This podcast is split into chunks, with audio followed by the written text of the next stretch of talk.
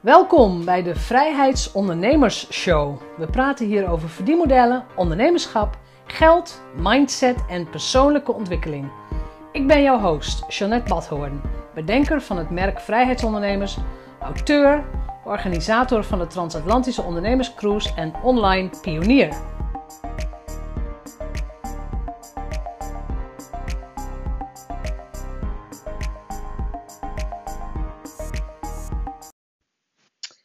Welkom, aflevering 125. En in deze aflevering zijn de rollen omgedraaid, want ik word geïnterviewd dit keer. Marjelle de Groot, je kon haar al eerder in een van de vorige podcastafleveringen beluisteren, interviewt mij over hoe ik als podcast-host functioneer. Hoe bereid ik voor? Wat denk ik? Wat doe ik? En dat doet ze in het kader van een NLP-opleiding. In de NLP-masteropleiding wordt je gevraagd om een strategie van iemand te modelleren. Oftewel, je gaat aan die persoon helemaal uitvragen wat iemand denkt, voelt, doet, overweegt om tot een bepaald resultaat te komen. En Marjelle was geïnspireerd door mijn 100 podcasts in 100 dagen zij is ook van plan om heel binnenkort met een podcast te beginnen. Dus zij wil weten hoe ik dat gedaan heb. En wij gaan in gesprek over identiteit, over zelfvertrouwen, um, over de rode draad in het ondernemerschap. Eh, ik vond het zelf een ontzettend fijn gesprek, omdat we de, de rust en de ruimte voor genomen hebben. En ik, ja, ik ga er ook vanuit dat hier ook weer parels tussen zitten voor jou als ondernemer. Dus veel plezier, veel luisterplezier. En heb je hier vragen over, laat het gewoon weten.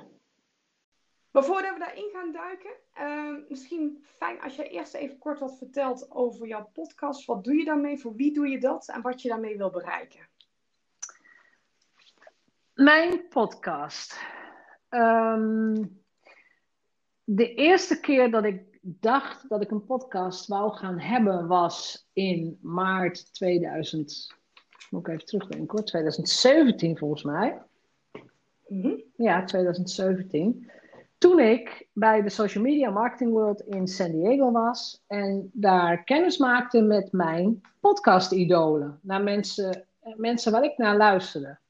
Mhm. En dat, ja, het zijn Amerikanen, maar mensen als Pat Flynn en John Lee Dumas, uh, Kate Erickson, die gaven daar, um, Lewis House was er ook bij, maar die gaven daar een uitleg over wat de podcast voor hun bedrijf had gedaan en wat de podcast in hun leven deed. En een van de dingen die, volgens mij was Pat Flynn, die zei van je moet niet onderschatten wat een podcast doet, want met een podcast zit je werkelijk in de oren van je toekomstige klant je, wandelt eigenlijk met ze mee. Dus heel vaak luisteren mensen naar een podcast als, uh, als ze aan het reizen zijn. Dus wandelen of hardlopen of in de trein of in de auto. En dan ga je gewoon mee. En dat, toen ik terugkwam dacht ik, oké, ik begin ook met een podcast. Dus dat is drie jaar geleden. En nou ja, toen kwamen er allerlei ontwikkelingen in mijn bedrijf dat ik besloot van ik ga Engelstalig. En ik ga met heel veel mensen op cruise, wat ik uiteindelijk vorig jaar gedaan heb. En in het begin van dit jaar wist ik dat ik het Engelstalige en het met zoveel mensen op cruise gaan, dat dat absoluut niet mijn purpose in life is. Ik werd er niet mhm. heel erg gelukkig van. Mhm. Dus ik heb eigenlijk een maand voordat die hele coronacrisis doorzette, besloten: ik ga nu mijn Nederlandstalige podcast weer oppakken. Want ik had al, mind you, ik had al vijf afleveringen klaar liggen. Die waren al helemaal afgeëdit. Die had ik al opgenomen in de zomer van 2017. Maar die had je nooit gelanceerd, bedoel je? Nee, ik had de podcast niet gelanceerd, want een van de dingen die ik ook had geleerd is... Als je een podcast start, zorg dat je minimaal al tien afleveringen op voorraad hebt. Want mensen willen binge-listenen, die willen na elkaar doorluisteren. Dus ik had ze wel en ik had ze keurig in mijn, in mijn podcast host staan. En ze waren ook helemaal geëdit.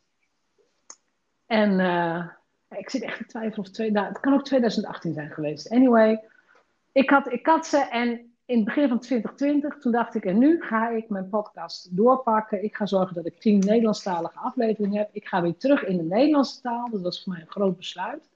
Mhm. En de podcast gaat mij daarbij helpen. Want ik, al die verhalen die ik had gehoord over podcast en over wat het voor je bedrijf doet, dacht ik van ja, ik moet, ik moet even weer laten weten dat ik terug ben op de Nederlandse markt. Dus je hebt jouw podcast ingezet eigenlijk als een middel om weer te zorgen dat je zichtbaar was op de Nederlandse markt. Ja, top of mind zelf, zelfs. Zo. En op een manier die mensen van mij nog niet kenden in elk geval. Ik bedoel, ik heb wel heel veel webinars en dat soort dingen vroeger gedaan, maar de podcast had ik niet. Uh, Ik heb de Nederlandse markt qua podcast wel een beetje uitgezocht, een beetje bekeken, wie heeft wat. En er zijn een paar hele succesvolle podcasts in Nederland. En ik denk dat driekwart, misschien wel meer daarvan, van mannelijke ondernemers is. Oh, serieus? Ja, daar vond ik ook weer wat van. Ja. Ja. Ja, ja, ja, ja. ga maar eens kijken bij de top 10 zakelijke podcast. Nou ja, als er een vrouw tussen staat, is het een uitzondering. En was dat ook een drive voor jou, Jeannette? Om, daar, om, om, om dan extra was dat een extra bevestiging dat je met die podcast aan de slag wilde? Ja. Ja. Dat, het is wel secundair. Maar, maar het antwoord is ja. Laat van je horen en, en zorg dat je meespeelt in de eredivisie. Dat, dat, nou, dan heb je het natuurlijk al over wat wil je dat die podcast gaat doen. Mm nou, dat wil ik dat de podcast gaat doen. Mooi. Ja, meespelen in de eredivisie. Hey, en waar gaat jouw podcast dan over? Ga je er iets over vertellen? Mijn podcast maak ik voor zelfstandig ondernemers. En mijn doelgroep is de kennisondernemer. Dus de, het meest online ondernemers die het moeten hebben van hun kennis. Dus mijn podcast gaat over ondernemerschap, over het zijn van uh, expert, een expert op je gebied, uh, veel over mindset, over geldmindset. Uh, marketing kan erin naar voren komen. Um, persoonlijke ontwikkeling. Ja, dat zijn natuurlijk van die mooie modewoorden. Maar dat zijn de thema's of de kapstokken waar ik de gesprekken en ook de solo-afleveringen aan ophang. En hoe bepaal jij die onderwerpen die je. Uh, je, gaat, weet je, je hebt zo'n thema. Dat is natuurlijk een thema waar je ook als ondernemer in uh, mee aan de slag bent. Ja. Maar hoe bepaal jij uiteindelijk of een onderwerp in jouw podcast terechtkomt of niet? Nou, het, is, het is mijn podcast. Als ik het interessant vind, dan komt het in de podcast. Oké, en wanneer vind jij het interessant? Als het met, met de voorgaande onderwerpen te maken heeft. Dus als het vooral over persoonlijke ontwikkeling gaat en over ondernemerschap. Ehm, en over dingen die ons beïnvloeden. Ik heb ook afleveringen over hoe werkt je brein. Ook best mhm. inhoudelijk. Um, ik denk, ja, weet je, dat vind ik interessant. Ehm, er is iemand die daar wat van weet, dus gewoon laat ik vragen of die ook iets wil vertellen. Ik heb ook over, over perfectionisme. Uh, niet, heb ik zelf totaal geen last van, maar ik weet dat veel mensen er last van hebben. Dus waarom zou ik daar niet een aflevering over opnemen? Oké, dat is mooi, want dan zeg je van het, het gaat over het onderwerp. Maar nou weet ik ook zeker dat niet iedere spreker over een bepaald onderwerp interessant is of jouw doelgroep aanspreekt. Want je hebt natuurlijk onderwerpen die gaan over, jou, over jouw business, uh, over de vraagstukken waar jouw klanten mee zitten. Maar hoe bepaal jij nou of iets interessant is? Hoe weet je dat dat interessant is? Ja, dat weet je niet. Dat, de onderwerpen, qua onderwerpen weet je niet. Nou, laat ik het zo zeggen als ik een onderwerp interessant vind, hoeft het niet zo te zijn dat elke luisteraar elk onderwerp ook interessant vindt. Mhm. Maar ik probeer in een gesprek met een expert altijd een haakje te vinden naar het online ondernemerschap, naar zelfstandig ondernemerschap. Mhm. En gemiddeld genomen, want je vroeg van, misschien komt die vraag straks, van wie nodig je nou uit? Gemiddeld genomen weet ik wel ongeveer met wie ik in gesprek ga. Mhm. En waarom ik met die persoon in gesprek wil. Dus ja, hoe weet je of een onderwerp interessant is?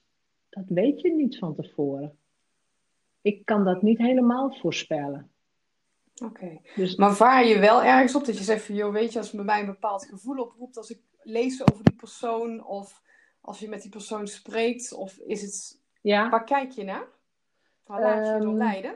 Nou, de eerste Ik heb inmiddels echt ruim 80 gasten gehad, geloof ik. Kom maar de eerste 40, 50 gasten in mijn podcast. Dat zijn mensen die ik al ken.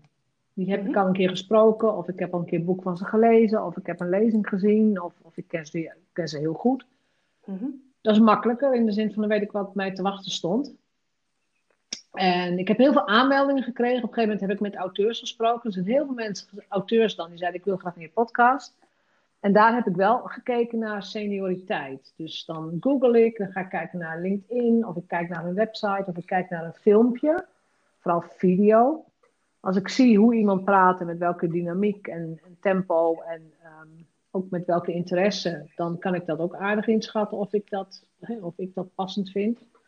En ik heb Dus ook, dan, ja, dus dan luister je naar wat, wat, wat iemand, hoe iemand praat, hoe het overkomt. ja, en hoe die met een ander omgaat. En ik heb het geluk gehad dat ik ook een paar gasten heb, of had, ja, of heb, eh, die zelf al een podcast hadden. Dus op het moment dat iemand zich dan aanmeldt, dan denk ik, oh, ik kan gewoon even luisteren hoe, die zelf, hoe hij of zij zelf met de podcast omgaat. Mhm. En ehm, ik heb er dus ook een paar niet uitgenodigd. Van ik dacht van, nou, die stijl is gewoon niet mijn stijl.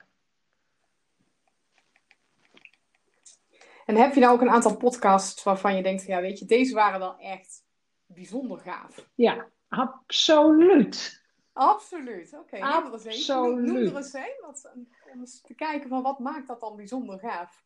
Ehm, ik vond. ehm, nou, laat, laat ik het zo. Er zijn, ik heb natuurlijk twee soorten. Ik heb solo-afleveringen en ik heb interviews. En in de solo-afleveringen heb ik. Ik heb podcasts opgenomen met, met verhalen of met, met ehm, ondernemersdingen die ik mee heb gemaakt. Waarvan ik denk, ja, die moeten gewoon. Die moet ik gewoon vertellen. En de een is veel makkelijker te vertellen dan de andere. Ik heb ook gewoon uit mijn Money Mindset boek dingen, nou ja, zo'n beetje opgelezen. Maar er zitten ook best wel wel persoonlijke dingen tussen. Mhm. En hoe meer je vertelt en hoe persoonlijker het wordt, hoe uitdagender de opname is. Dus op het moment dat je dat op de band hebt staan, om het zo te zeggen, Ja. is dat toch ook wel weer zo van, nou weet je, uh, who cares, het gaat gewoon de wereld in.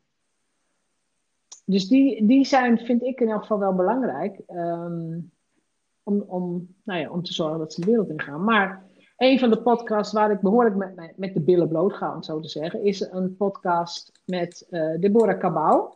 Zij heeft mijn geboortehoroscoop gemaakt. Ik heb hem gehoord. Je Hij was gehoord. fantastisch. Ja, ja. maar In Ik, ik had het daar met jou over, Jeannette, toen we bij elkaar zaten. Toen zei ik tegen ik heb je, je geboortehoroscoop inderdaad, eh, heb je toen laten trekken. En ik, ik heb dat verhaal gehoord en ik vond hem echt potje spannend. En ik ken jou natuurlijk heel goed. ja, ja, Eh, ja, maar ja. ik hoorde dat. Ik had echt zoiets, ja, wat gaat ze over Jeannette zeggen? Wat gaat ze over Jeannette zeggen? Ja, nou best veel. Als ik, en ik heb hem precies. zelf ook teruggeluisterd natuurlijk. Eh, maar aan de andere kant denk ik, ja weet je, dat moet, dat moet de wereld dan ook maar weten. Of tenminste de mensen die eh, eventueel met mij zouden willen werken of die verder willen luisteren naar de podcast. Eh, dit is het wel. En, en zij deed het wel op een hele respectvolle manier en ook heel fantastisch. Maar ehm, dat zijn wel, wel de iets spannender uit afleveringen, om zo te zeggen. Maar dat betekent dus dat als, die, als er meer persoonlijke dingen van jou in zitten, die ertoe doen natuurlijk, hè, want de dingen die Deborah eruit trok, deden er wel degelijk toe als ondernemer. Ja. Dan eh, maakt dat de podcast ook meteen aantrekkelijker. Is, is dat omdat er dan een mens achter zit? Ja. Ja. Ja, en, en ik vind humor in een gesprek, als we het dan hebben over de gesprekken. Ik vond het gesprek met Esther de Charon, ik weet niet of je dat Mhm. geluisterd hebt. Ja, Esther de Charon de Saint-Germain, mooie naam. fantastische naam.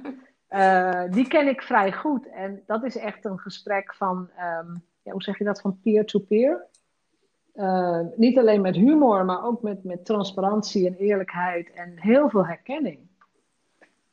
Dus zo'n gesprek loopt heel gemakkelijk.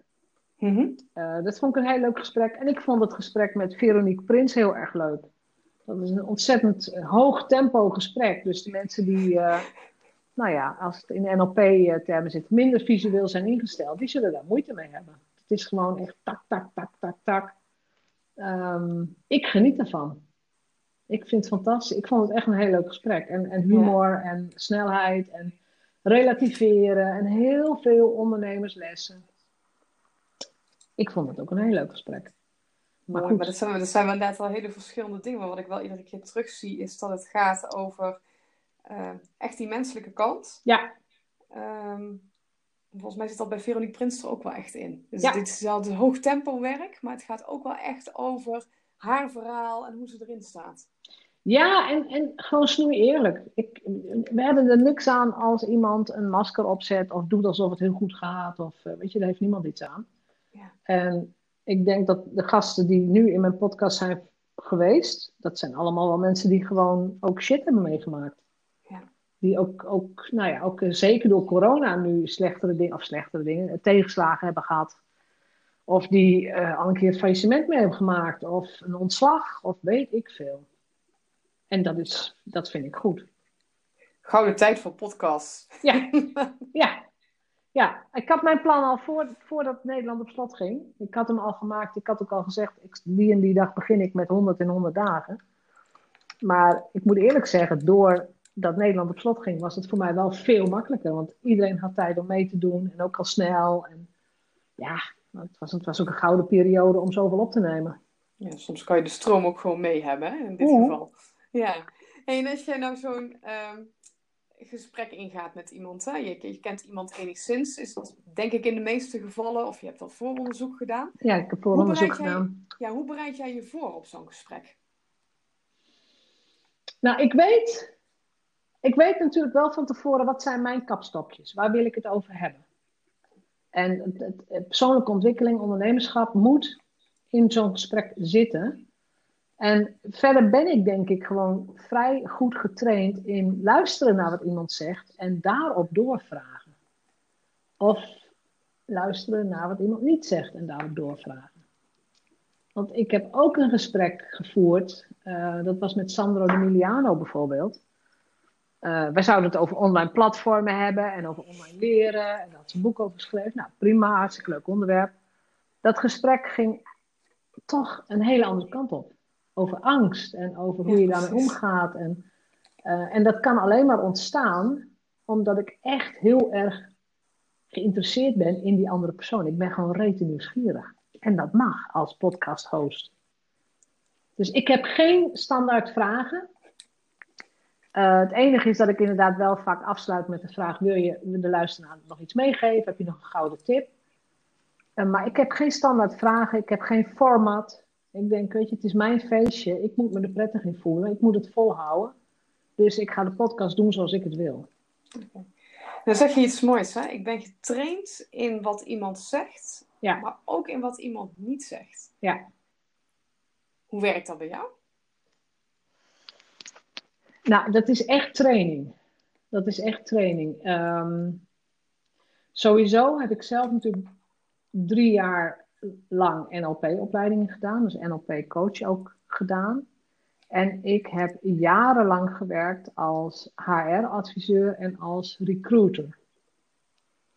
En als recruiter moet je ontzettend veel sollicitatiegesprekken voeren. Dus instroom, uitstroom. Ik heb als HR-adviseur heel veel mediation moeten doen. Een teammanager die ruzie heeft met zijn, uh, met zijn team of met één teamlid. Dus ik heb ook beroepsmatig gewoon ontzettend veel gespreks, um, gesprekstechnieken geleerd. Maar ik heb ook gewoon heel veel geoefend, als je het zo bekijkt. Mhm. En ja, ik, ik, ik, ik zal toch. Eh, we moeten denk ik iets NLP-achtige dingen uitleggen. Um, en de voorkeurszintuigen. Visueel, auditief, kinesthetisch. Hè. Visueel, mensen willen iets zien. Auditief, mensen willen iets horen. En kinesthetisch, mensen gaan met hun gevoel overleggen. Ik ben voornamelijk auditief. Dus ik luister heel graag. Ik, ik, ik probeer ook te luisteren naar wat, inderdaad, wat iemand niet zegt. En dat is. Kijk, ik kan nooit tegen iemand zeggen: je zegt iets niet. Maar ik kan wel proberen door te vragen op dat wat iemand niet zegt. En dan, dan kom je meer bij, de, bij vragen als: dus wat je echt zegt is dit. Hè, dan zit je meer in de, in de nou ja, het metaframe. Ik weet niet of je dat gebruikt al. Ja. De slide of mouth-achtige dingen. Dus dan zit je meer in een soort controlevragen. Um, om iemand de kans te geven een echt verhaal te vertellen. Mooi. Ja. En wat is voor jou een signaal dat iemand iets echt niet zegt? Je krijgt het door training, dat, dat weet ik, dat snap ik. Maar blijkbaar doe jij iets waardoor, je er, waardoor er bij jou een alarmbel afgaat, of dat je een plaatje ziet of iets voelt, dat je denkt, en daar zit wat. Kun je daar een voorbeeld van geven wanneer dat gebeurt? Hmm. Ik, ja, of iemand is, is. Soms is het antwoord te, te soepel. Ik heb namelijk ook mensen geïnterviewd die al heel vaak geïnterviewd zijn. Femke Hogema heb ik geïnterviewd. En op een gegeven moment ga ik met haar in gesprek. En dan komen er vragen binnen die ik dan aan haar moet stellen. En op een gegeven moment zegt zij in het gesprek ook zoiets van: Oh god, deze vraag heeft nog nooit iemand aan mij gesteld. Dan heb je wat. ja, en dat, dat vind ik heel leuk. En wat ik heel erg fijn vind, is als ik in een gesprek zit, dat iemand, als ik een vraag stel, dat iemand echt stilvalt. En dan zeggen ze zoiets als: Hmm, goede vraag. En dan denk ik: Yes. Dan, dan heb ik iets te pakken waar ze over na moeten denken. Dus als iemand, als iemand heel geautomatiseerd en te gemakkelijk antwoorden geeft, dan is het nog te gemakkelijk. Dan is het nog te oppervlakkig, te simpel. Dan zit je nog in je automatisme. En ik moet, ik moet, uit de, de, ik moet van de automatische piloot af. En hoe help jij jezelf ervoor te zorgen dat, je die vraag, dat die vraag bij jou bovenkomt, die die stilte laat vallen? Ja, hoe help je jezelf? Door voortdurend alleen maar te luisteren naar wat die ander zegt. Dus daarom heb ik ook niet een vast format of vaste lijstjes, maar ik ben echt aan het luisteren.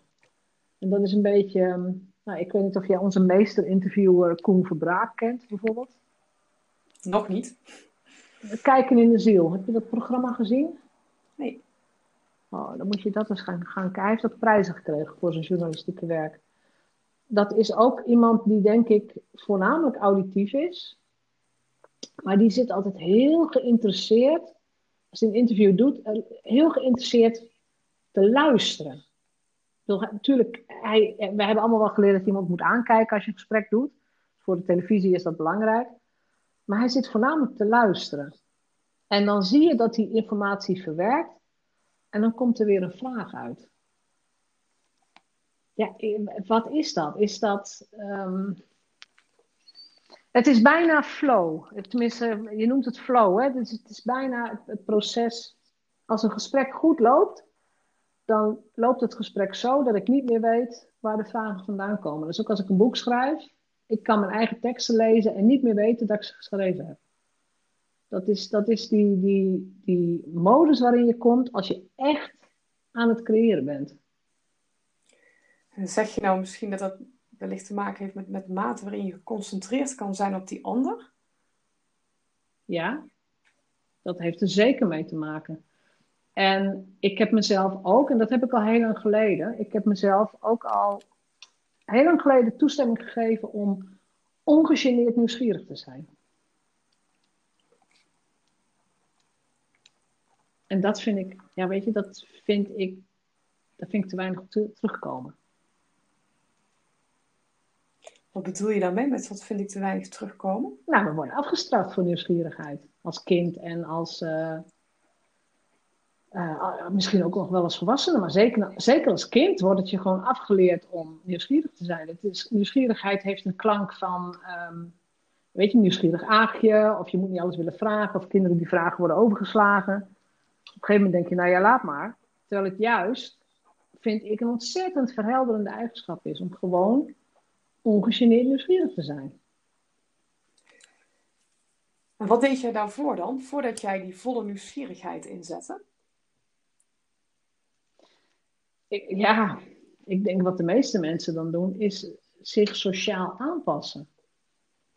En dat heb ik, heb ik wel gedaan hoor, maar dat is al heel lang geleden dat ik dat patroon heb doorbroken. Want op het moment dat je sowieso dat je sollicitatiegesprekken moet gaan voeren, of als recruit, recruiter gaat werken, of je moet gaan uh, mediaten met een teammanager en, en teamleden, ja, dan moet je ongegeneerd nieuwsgierig zijn, anders krijg je de onderste steen niet boven. Ja.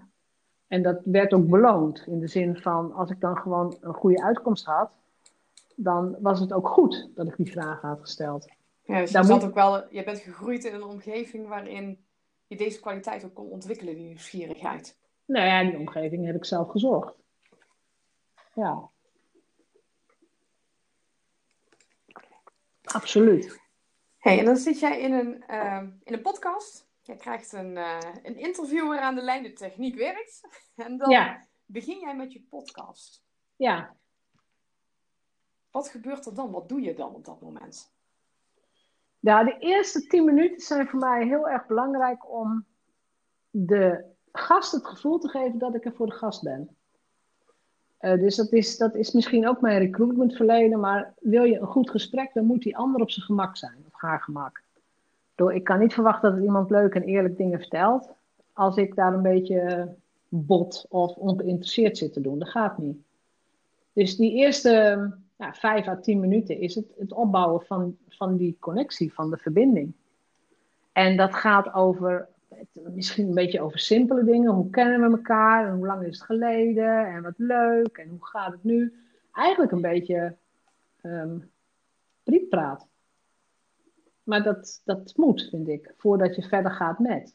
met de, de, de aanleiding dat we met elkaar praten is dit. En dan ga je de content in. Mhm. Maar ik wil wel dat ze het idee krijgen dat ik er gewoon echt, echt 100% bij ben. Hoe ziet dat er voor jou uit, dat je erbij bent? Wanneer weet jij voor jezelf, nu, nu, nu is die verbinding gemaakt, die connectie zit er? Oh, dat is echt een lastige vraag, hè? Van hoe weet je wanneer iets goed is? Dat is een goede vraag, hoor. Ehm, de manier waarop iemand reageert. Ik neem de podcast, als het enigszins kan, ook op met beeld. Dus ik krijg ook wel een verbale indruk, of een uh, non-verbale indruk van iemand. Dus iemand zegt wat, maar ik kan ook zien hoe die het zegt, hoe zij het zegt. Um, ja, ik, dat, is, dat is ook inderdaad een, gewoon een gevoel wat je moeilijk kunt uitleggen. Wanneer weet je of iets klikt? Dat is heel erg moeilijk. Dat is een soort chemie, dat is een soort, weet je, lachen mensen bijvoorbeeld. Um, snappen ze het als ik een grapje maak? Snap ik het als zij een grapje maken? Zit er een bepaalde luchtigheid in het gesprek? Is er een vertrouwen aanwezig? Dat, dat, dat is compleet onbewust. Maar zit op het gevoelsniveau, als ik het zo hoor. Dat zit op gevoelsniveau. En dat, gaat, en dat gaat waarschijnlijk bij jou onbewust, omdat je dit al zo lang doet. Ja, maar, dat, maar, dat, maar het is een gevoelsaspect. En je denkt van ja, weet je, nou zit hij goed. En nou, kan, nou, nou, nou heb ik toestemming voor mezelf om weer ongebreideld nieuwsgierig te zijn naar de volgende laag. Ja, en, en natuurlijk is het zo dat het ene gesprek echt veel gemakkelijker verloopt dan het andere gesprek. Dat is gewoon zo. Het, het ene gesprek moet ik gewoon meer mijn best doen. De ene persoon vertelt uit zichzelf veel sneller. De andere persoon is wat, wat korter. Ik heb ook wel eens gesprekken waarin iemand echt alleen maar praat. Het is gewoon een monoloog van 18 minuten geweest. Gezellig. nou ja, weet je, uh, ja, zo so be it. Het, het, het, is wat het is, denk ik dan maar. En ik denk, nou oké, okay, uh, doe maar. Dan gooi je een kwartje in en die praat. Nou, prima. En bij anderen ja, andere mensen moet je iets meer tijd of ruimte geven. Of misschien inderdaad iets meer vragen. Maar gemiddeld genomen, dat is echt wel heel leuk, vind ik hoor. Dat, omdat het over hun bedrijf gaat en over ondernemerschap en persoonlijke ontwikkeling. Um, ja, mensen praten heel graag over zichzelf. En ze krijgen van mij toestemming om een half uur lang over zichzelf te praten. Nou, vinden ze heel leuk. Ja. En over hun eigen boek of over een podcast of over dat wat ze bereikt hebben. Nou, dat is alleen maar leuk.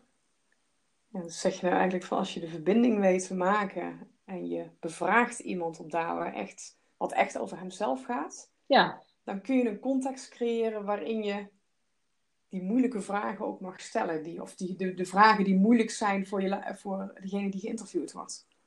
Ja, en ik denk dat ik het voordeel heb. Ik ben van mezelf niet een hoog emotioneel persoon. Het is niet zo dat ik meteen uh, overal om moet huilen of wat dan ook. Dus ik ga de moeilijke vragen ook niet uit de weg. Want ik heb ook gesprekken gehad met mensen die gewoon echt, echt zware dingen hebben meegemaakt. Het verlies van een kindje zit, zit in een van de gesprekken. Er staat ehm, nee, ook een gesprek van iemand die borstkanker heeft overleefd. Dus je, er zitten echt wel gesprekken tussen. Uh, meerdere trouwens. Meerdere, meerdere die over uh, kanker gaan. Uh, maar dat ga ik niet uit de weg. Dat, ik, dat, ik vind dat het bij het leven hoort. En ik denk dat mensen dat ook voelen. Oké, en je zegt dan, ik, ik ben niet hoog emotioneel, maar je voel je die spanning dan wel? Voel je dat helemaal niet? Nee, ik voel daar geen spanning op. Omdat ik namelijk weet uit ervaring dat het heel fijn is als mensen dat, of eigenlijk vragen naar de olifant in de, in de, in de kamer, hoe zeg je dat?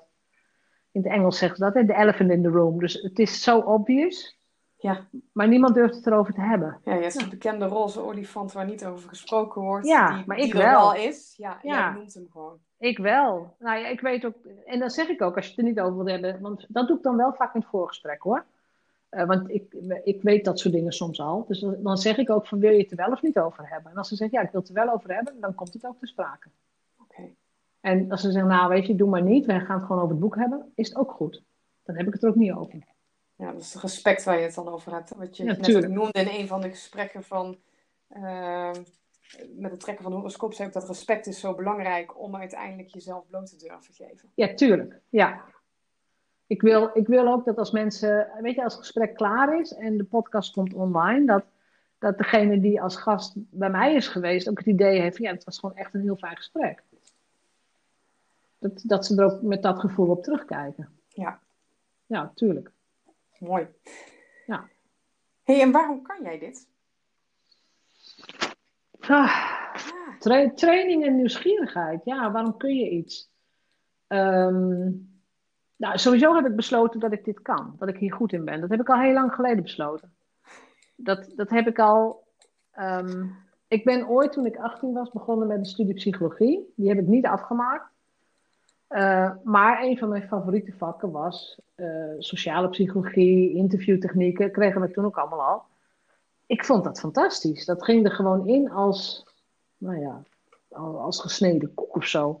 Ik, ik heb dat gewoon altijd heel erg leuk gevonden. En je moet je, ik, daar, daarom moet je dat ook nooit onderschatten. Als mensen iets heel goed kunnen, en dan ga ik er maar vanuit dat ik dit gewoon goed genoeg kan. Ach, ja toch? ja, maar als mensen iets goed kunnen, dan, dan zit daar dus ook echt training achter. Jarenlange training. Mensen, mensen worden niet geboren met, oh, ik kan nu een website bouwen of ik kan nu dit. Dat is niet zo. Iedereen die ik ken en die succesvol is op, op een bepaald vlak, die heeft echt al meters gemaakt. En dat moet, je ook, dat moet je ook respecteren, vind ik. Dat moet je ook inzien. En daar moet je ook niet over zeuren. Je moet, als jij iets wilt leren, als je ergens goed in wilt worden, dan moet je jezelf laten trainen. Dan moet je ook jezelf toezetten. Je moet er boeken over gaan lezen. Je gaat, nou ja, het gaat over interviewtechnieken. Er zijn allerlei prachtige cursussen voor. Uh, met verschillende invalshoeken. Dus blijf je ontwikkelen daarin. Ja. En je nieuwsgierigheid? Hoe word je daar nou heel goed in? Nou, ja, hoe zal ik het zeggen? Ik denk. Nee, ik denk het eerlijk gezegd niet. Ik zit, ik zit te denken. Ik denk, is iedereen nieuwsgierig? Nee, niet iedereen. Lang niet iedereen is nieuwsgierig.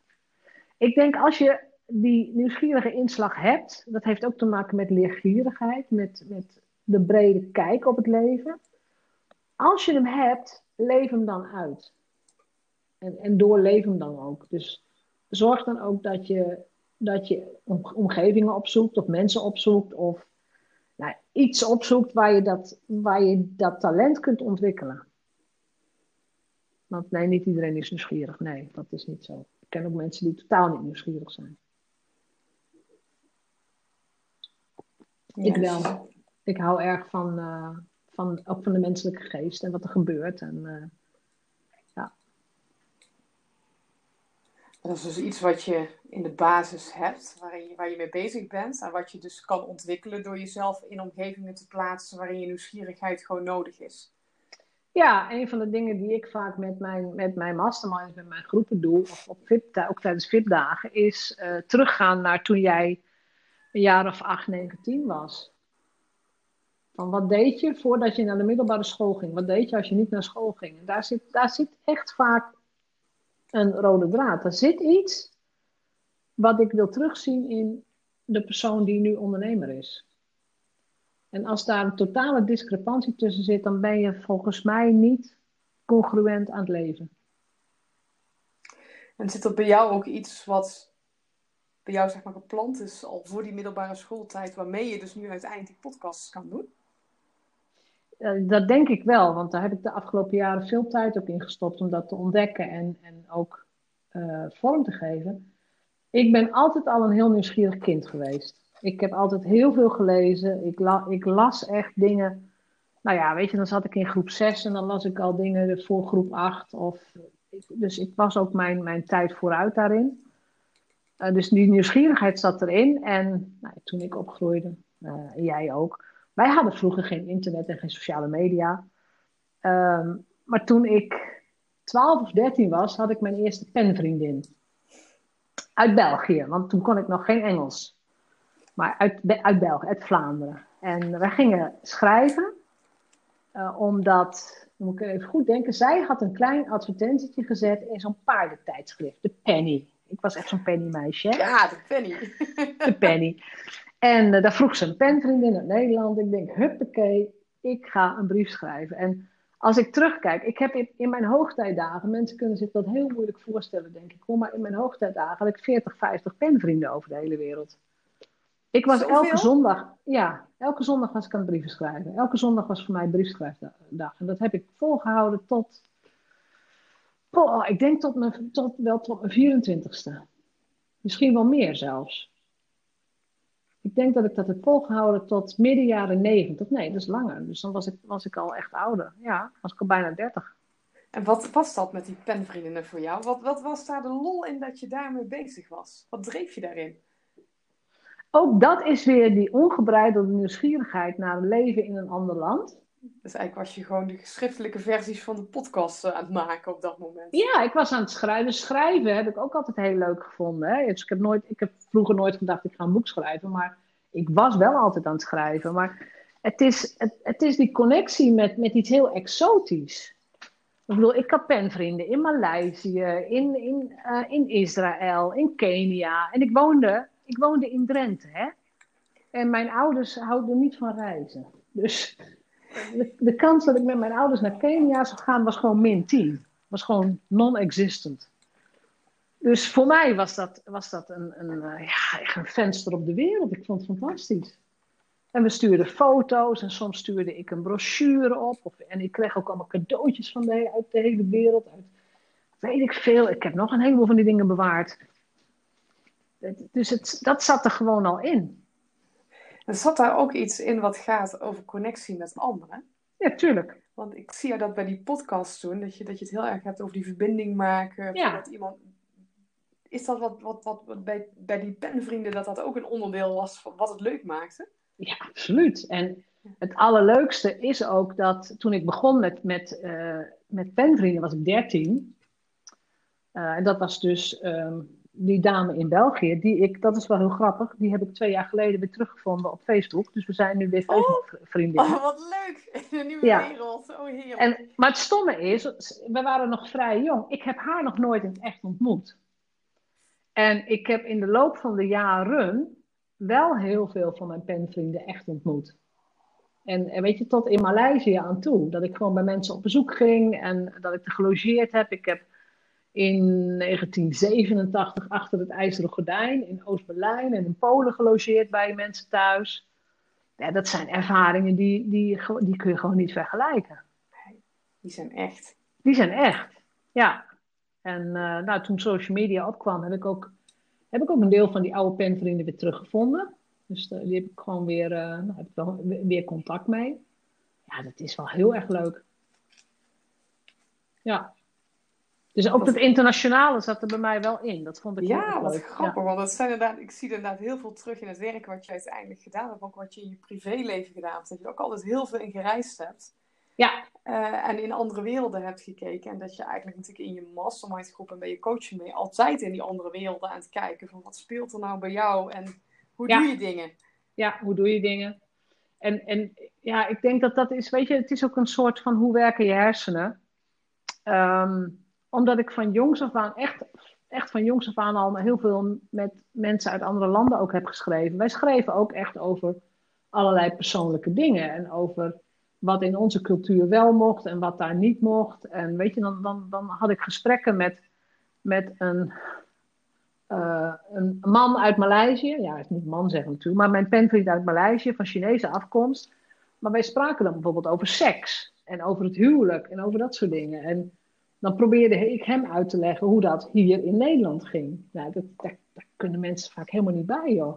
Geweldig. Dus die culturele laag, en, hoe, wij ook, hoe, hoe zijn wij groot geworden, dat is iets wat, wat heel veel mensen gewoon niet meenemen in, volgens mij, in hun gedachten. Wat heb jij daar geleerd uit die gesprekken? Wat, wat is het belangrijkste wat je daaruit bijgebleven is? nou, het belangrijkste, het is meer misschien uit die verbindingen. Als je echt gewoon contact wilt maken met iemand, dan is dat helemaal niet moeilijk. Dus als jij, als jij de verbinding gaat opzoeken en je hebt respect voor hoe zij leven en hoe ik leef enzovoort, dan word je ook altijd gastvrij ontvangen. Dan is, weet je, dan is het ook echt ontzettend, dan is de wereld ook echt ontzettend leuk. Dus weet je, dan is de, de, de stelling van de meeste mensen deugen, is ook gewoon zo. De meeste mensen die ik tegen ben gekomen, waar ik, waar ik gesprekken met, het zijn fantastisch leuke mensen. Nou ja, sommige dingen moet je misschien niet aansnijden of moet je het niet over hebben, maar... Maar dat is respect waar je het dan over Ja, en dat is dan het laagje cultuur waar wij, uh, die wij gewoon allemaal mee hebben gekregen. Ja. Gaaf. Ja. Wat leuk, wat leuk. Ja. Dat je vanuit een... Uh... Echt heel erg leuk. En ik vind het jammer dat ik sommige penvrienden niet meer terug kan vinden. Via sociale media. Ja. Ja. Deze een oproep. Je zou denken dat je iedereen weer terug kan vinden. Wat gaaf. Ja, ja. Ja, nou, ja, toch niet. Misschien weet je vooral vrouwen die zijn er weer getrouwd en dan hebben gezeid met andere achternamen en zo. Krijgen we die discussie weer. Allemaal zo onhandig. Dat moet je helemaal niet doen, dan ben je niet meer vindbaar. Dan ben je niet meer vindbaar. Nou ja, dat dus, precies. Ja.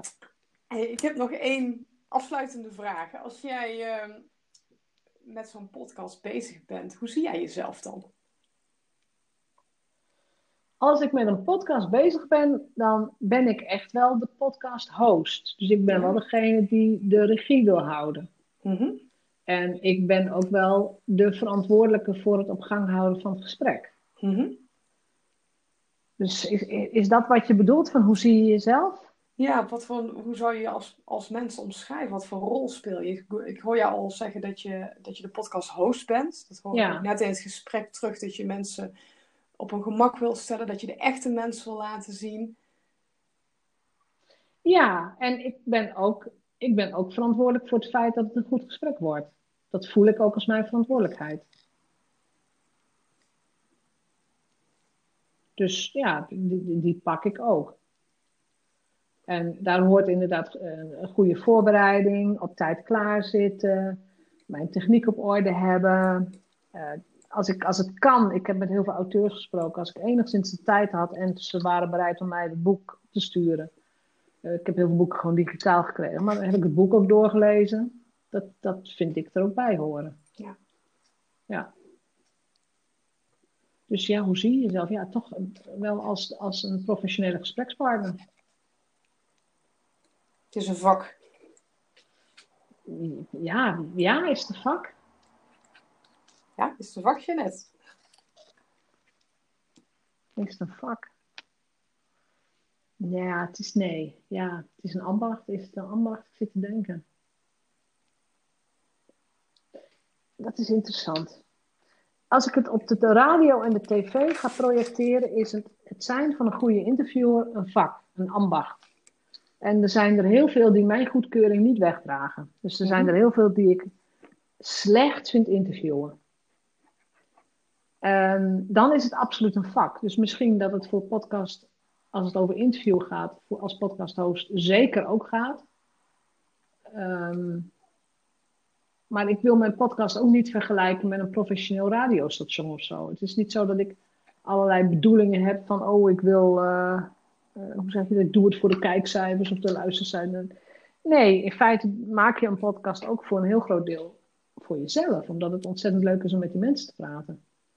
Dus de waarde van die podcast zit ook in, in, gewoon in de goede gesprekken, in het feit dat je een goed netwerk opbouwt, dat je inspiratie krijgt, dat je toegang krijgt tot steeds meer kennis. Dus het is ook een, een, een, een, een hoe zeg je dat? Een versneller voor je bedrijf. Oké. Ja. Dat is wat jij ook uit jouw penvrienden haalde, zeg maar. Dat je toegang krijgt tot werelden waar je anders geen toegang tot hebt. Dus het, ja. En daarin vind je dat ook het grootste verschil is met een radiozender. Een radiozender zendt met een missie, een boodschap en is, min, is minder gericht op de eigen ontwikkeling. En ik hoor jou zeggen inderdaad dat die podcast jou ook helpt in je ontwikkeling. Ik denk dat dat een hele goede conclusie is, ja. Dat klopt. Daarom, dat zei ik natuurlijk in het begin ook. Ehm, wie bepaalt wat er in de podcast komt of wie bepaalt wat er interessant is? Ja, ik zelf. Ik moest er niet aan denken dat ik een, een podcastmanager had die zei van ja, maar dat is niet interessant, dat komt er niet in. Je gaat uh, drie liedjes draaien en je praat tien minuten en dan moet je weer stil zijn. Nou, dat is, uh, niks voor mij. Ja, precies. Ja. Dus ja, ik, dat klopt. Ja, dat klopt. Het is ook, uh, het is ook een ontwikkelingstool, om het zo te zeggen. Maar het is ook een fantastische manier om gewoon weer mensen uit te nodigen voor een gesprek die je, of die ik, weet ik veel, 10, 20 jaar niet heb gezien. Er zitten gesprekken tussen met mensen die ik absoluut wel ken en waar ik bijvoorbeeld uh, als collega meegewerkt heb, 25 jaar geleden. En, om, en dat heeft, weet je, alles heeft met alles te maken. Ik heb wel altijd, vanaf het moment dat sociale media opkwam, wel altijd mijn netwerk weer uitgebreid en mensen teruggevonden. En ik heb via LinkedIn bijvoorbeeld zoveel waardevolle contacten. Dus als ik daar een oproep doe van wie wil mijn gast zijn en dit is het thema, nou, ik heb, ik heb er gelijk 40 op een lijst staan. Ja, want dat is het netwerk wat je al in de loop van de jaren als verbinder, zeg maar, opgebouwd hebt. Ja. Wat je nu mag gebruiken, kan gebruiken, uh, om mensen weer opnieuw met elkaar in verbinding te brengen. Ja, en, en weet je, mijn doel van de podcast is ook, en dat zeg ik wel vaak in het voorgesprek, ik wil die ander in het zonnetje zetten. Ik wil zorgen dat die andere persoon er gewoon goed uitkomt, als auteur, als expert, hoe dan ook. En dat vond ik ook zo mooi in het gesprek met uh, Deborah Cabau, de, de business-astroloog. Dat zij ook inderdaad zei, ja, dat is, een, dat is eigenlijk jouw hoofdrol in het leven. Ik denk, oh, nou, dan, uh, dan zit ik goed. Weet je, dan zit ik op het goede spoor. Nou, Oké, mooi. Ja. Um, de laatste vraag. Wat zou jij iemand die net begint met podcast of daarmee wil beginnen, wat zou je die mee willen geven? Het allerbelangrijkste is dat je de podcast ziet als een, uh, een soort authentiek verlengstuk van jezelf. En, en dat je je realiseert dat het echt tijd kost. Door het opnemen van een podcast is misschien 30, 45 minuten, soms een uur. Maar daar is het natuurlijk niet mee gedaan. In de zin van je moet je voorbereiden, je moet de gast uitnodigen, de gast moet je aanzeggen. Uh, daarna gaat het bij mij wel over de schutting in de zin van dan wordt het geëdit en dan wordt het klaargezet. Maar dan moet ik weer de beschrijving maken. Dus want ik, ik ken de gast, dus ik maak de teksten. En um, je moet het echt zien ook als een serieus als een serieus, als een serieus marketing, marketing tool van je bedrijf. Want mensen kunnen gewoon de hele dag naar je luisteren als je dat wilt. En dat weet je niet. Dus als jij ineens uh, stomme dingen gaat zeggen, of, nou ja, of ze denken van wat, wat, wat doe je raar, of, of je bent ongeconcentreerd, of, ja, dan, dan moet je dat niet doen, vind ik. En waarom is dat authentieke verlengstuk van jezelf daarin zo belangrijk? Ja, omdat, omdat wij echt, uh, wij willen echte marketing. Ik bedoel, de meeste mensen hebben bij marketing nog een, een, connotatie die negatief is. Maar wij willen echte mensen. En ik bedoel, wij, dat is natuurlijk mijn bubbel. Maar wij online ondernemers die het meest gewoon lekker zelfstandig werken met een klein team eromheen. Wij willen gewoon echt verbinding. We willen groeien. We willen echte mensen. We hoeven geen bla bla verhalen. Daar hebben we gewoon helemaal genoeg van. Dus zeg maar de oude marketing mijn auto is beter of mijn was, wasmiddel maakt het nog schoner. Eh, daar trappen we helemaal niet meer in. Ja, misschien voor wasmiddel, maar niet meer op persoonlijk niveau. Dus wij willen echt. En we willen, ja, we willen wel dat het netjes is. Dus, je wilt wel dat het verzorgd is of dat, dat de audio goed genoeg is. maar we willen geen perfectie. Perfectie stoot af. Dus daarom komt dat, ja. Ik vind het ook wel belangrijk hoor, dat hoor je misschien wel, want ik draag erover door. Maar ik vind het echt belangrijk.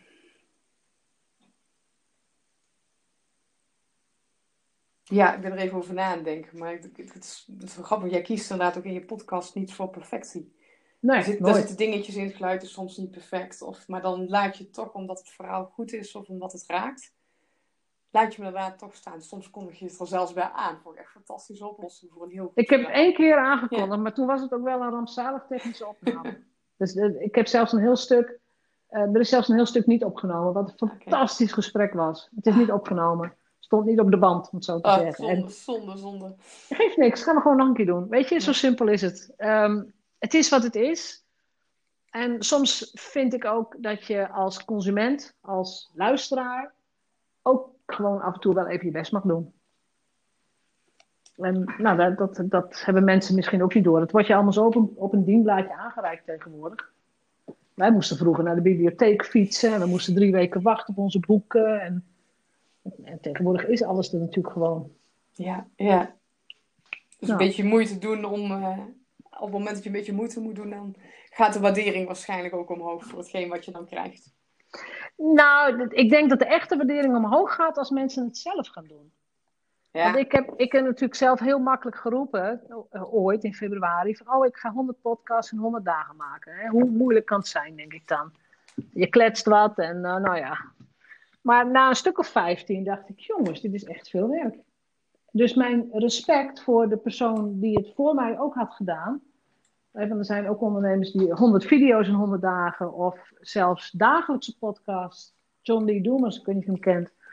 Die heeft volgens mij drie jaar lang elke dag een podcast gemaakt. zo, zo respect. Nou, werkelijk waar. 100 petjes gaan af bij mij. Ja, Dat is gewoon, en dan heb je pas door van, oh, dit is dus echt gewoon consistent hard werken. Iemand als Enzo Knol, heel veel mensen kennen hem niet. ja, Zoals zo'n jonge YouTuber. Ja, je hebt jonge kinderen, dus je ja. kent hem wel. van mij, die van mij Ja. dat. Ja.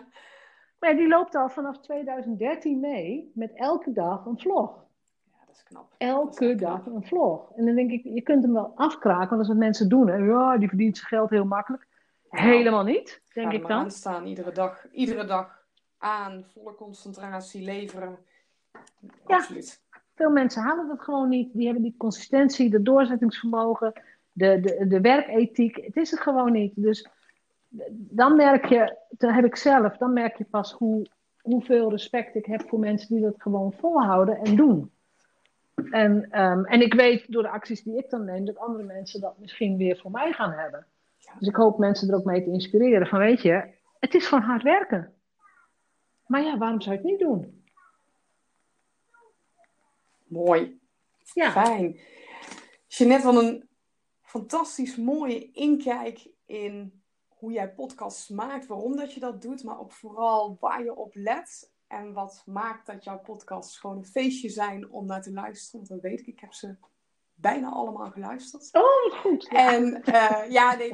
Dus ik, ik, ik, ik weet ook dat ze leuk zijn en dat ze, je, dat ze je pakken en dat je de neiging hebt om ze achter elkaar door te luisteren. ja. Dus Ja. Dankjewel voor een inzicht in jouw hoofd, hoe dat werkt, hoe je die podcast maakt. En Ja. ik denk dat je hier heel veel mensen weer mee gaat helpen en gaat aanmoedigen en inspireren om te Ja. zorgen dat zij ook met die podcast aan de slag gaan. Nee, dat, dat raad ik mensen ook aan. Als je dat leuk vindt, dan. eh, en je moet ook accepteren dat de eerste tien afleveringen gewoon. Ja, broddellapjes zijn. Zoals we dat vroeger zeiden. Hè? Ja, ja Het- je het moet gewoon wordt- als ik-. Ja, je moet beginnen en je wordt er beter in. En je gaat je ontwikkelen. En je kunt jezelf laten trainen. Ik heb de eerste 40 afleveringen van mezelf ook, misschien wel meer hoor, maar heel veel afleveringen ook gewoon teruggeluisterd. Om te horen of ik de goede vragen stelde, of ik nog andere dingen had kunnen doen. En eh, ja, dat kost heel veel tijd. Maar ja, dat moet er maar. Het gaat, niet voor, Dus, het gaat niet vanzelf. nee, gaat niet vanzelf. Dus graag gedaan. Dankjewel. Bedankt voor het luisteren naar de Vrijheidsondernemers Show. Geef de show een review op iTunes. Als vrijheidsondernemer werk je waar, wanneer en met wie jij wilt. Dat gun ik jou ook. Ik weet dat het kan. En bij de juiste keuzes is vrijheid ook voor jou mogelijk. Op jouw vrijheid. Oh ja, Laat een review achter op iTunes. Abonneer je op deze podcast. En laat mij weten wat je ervan vindt.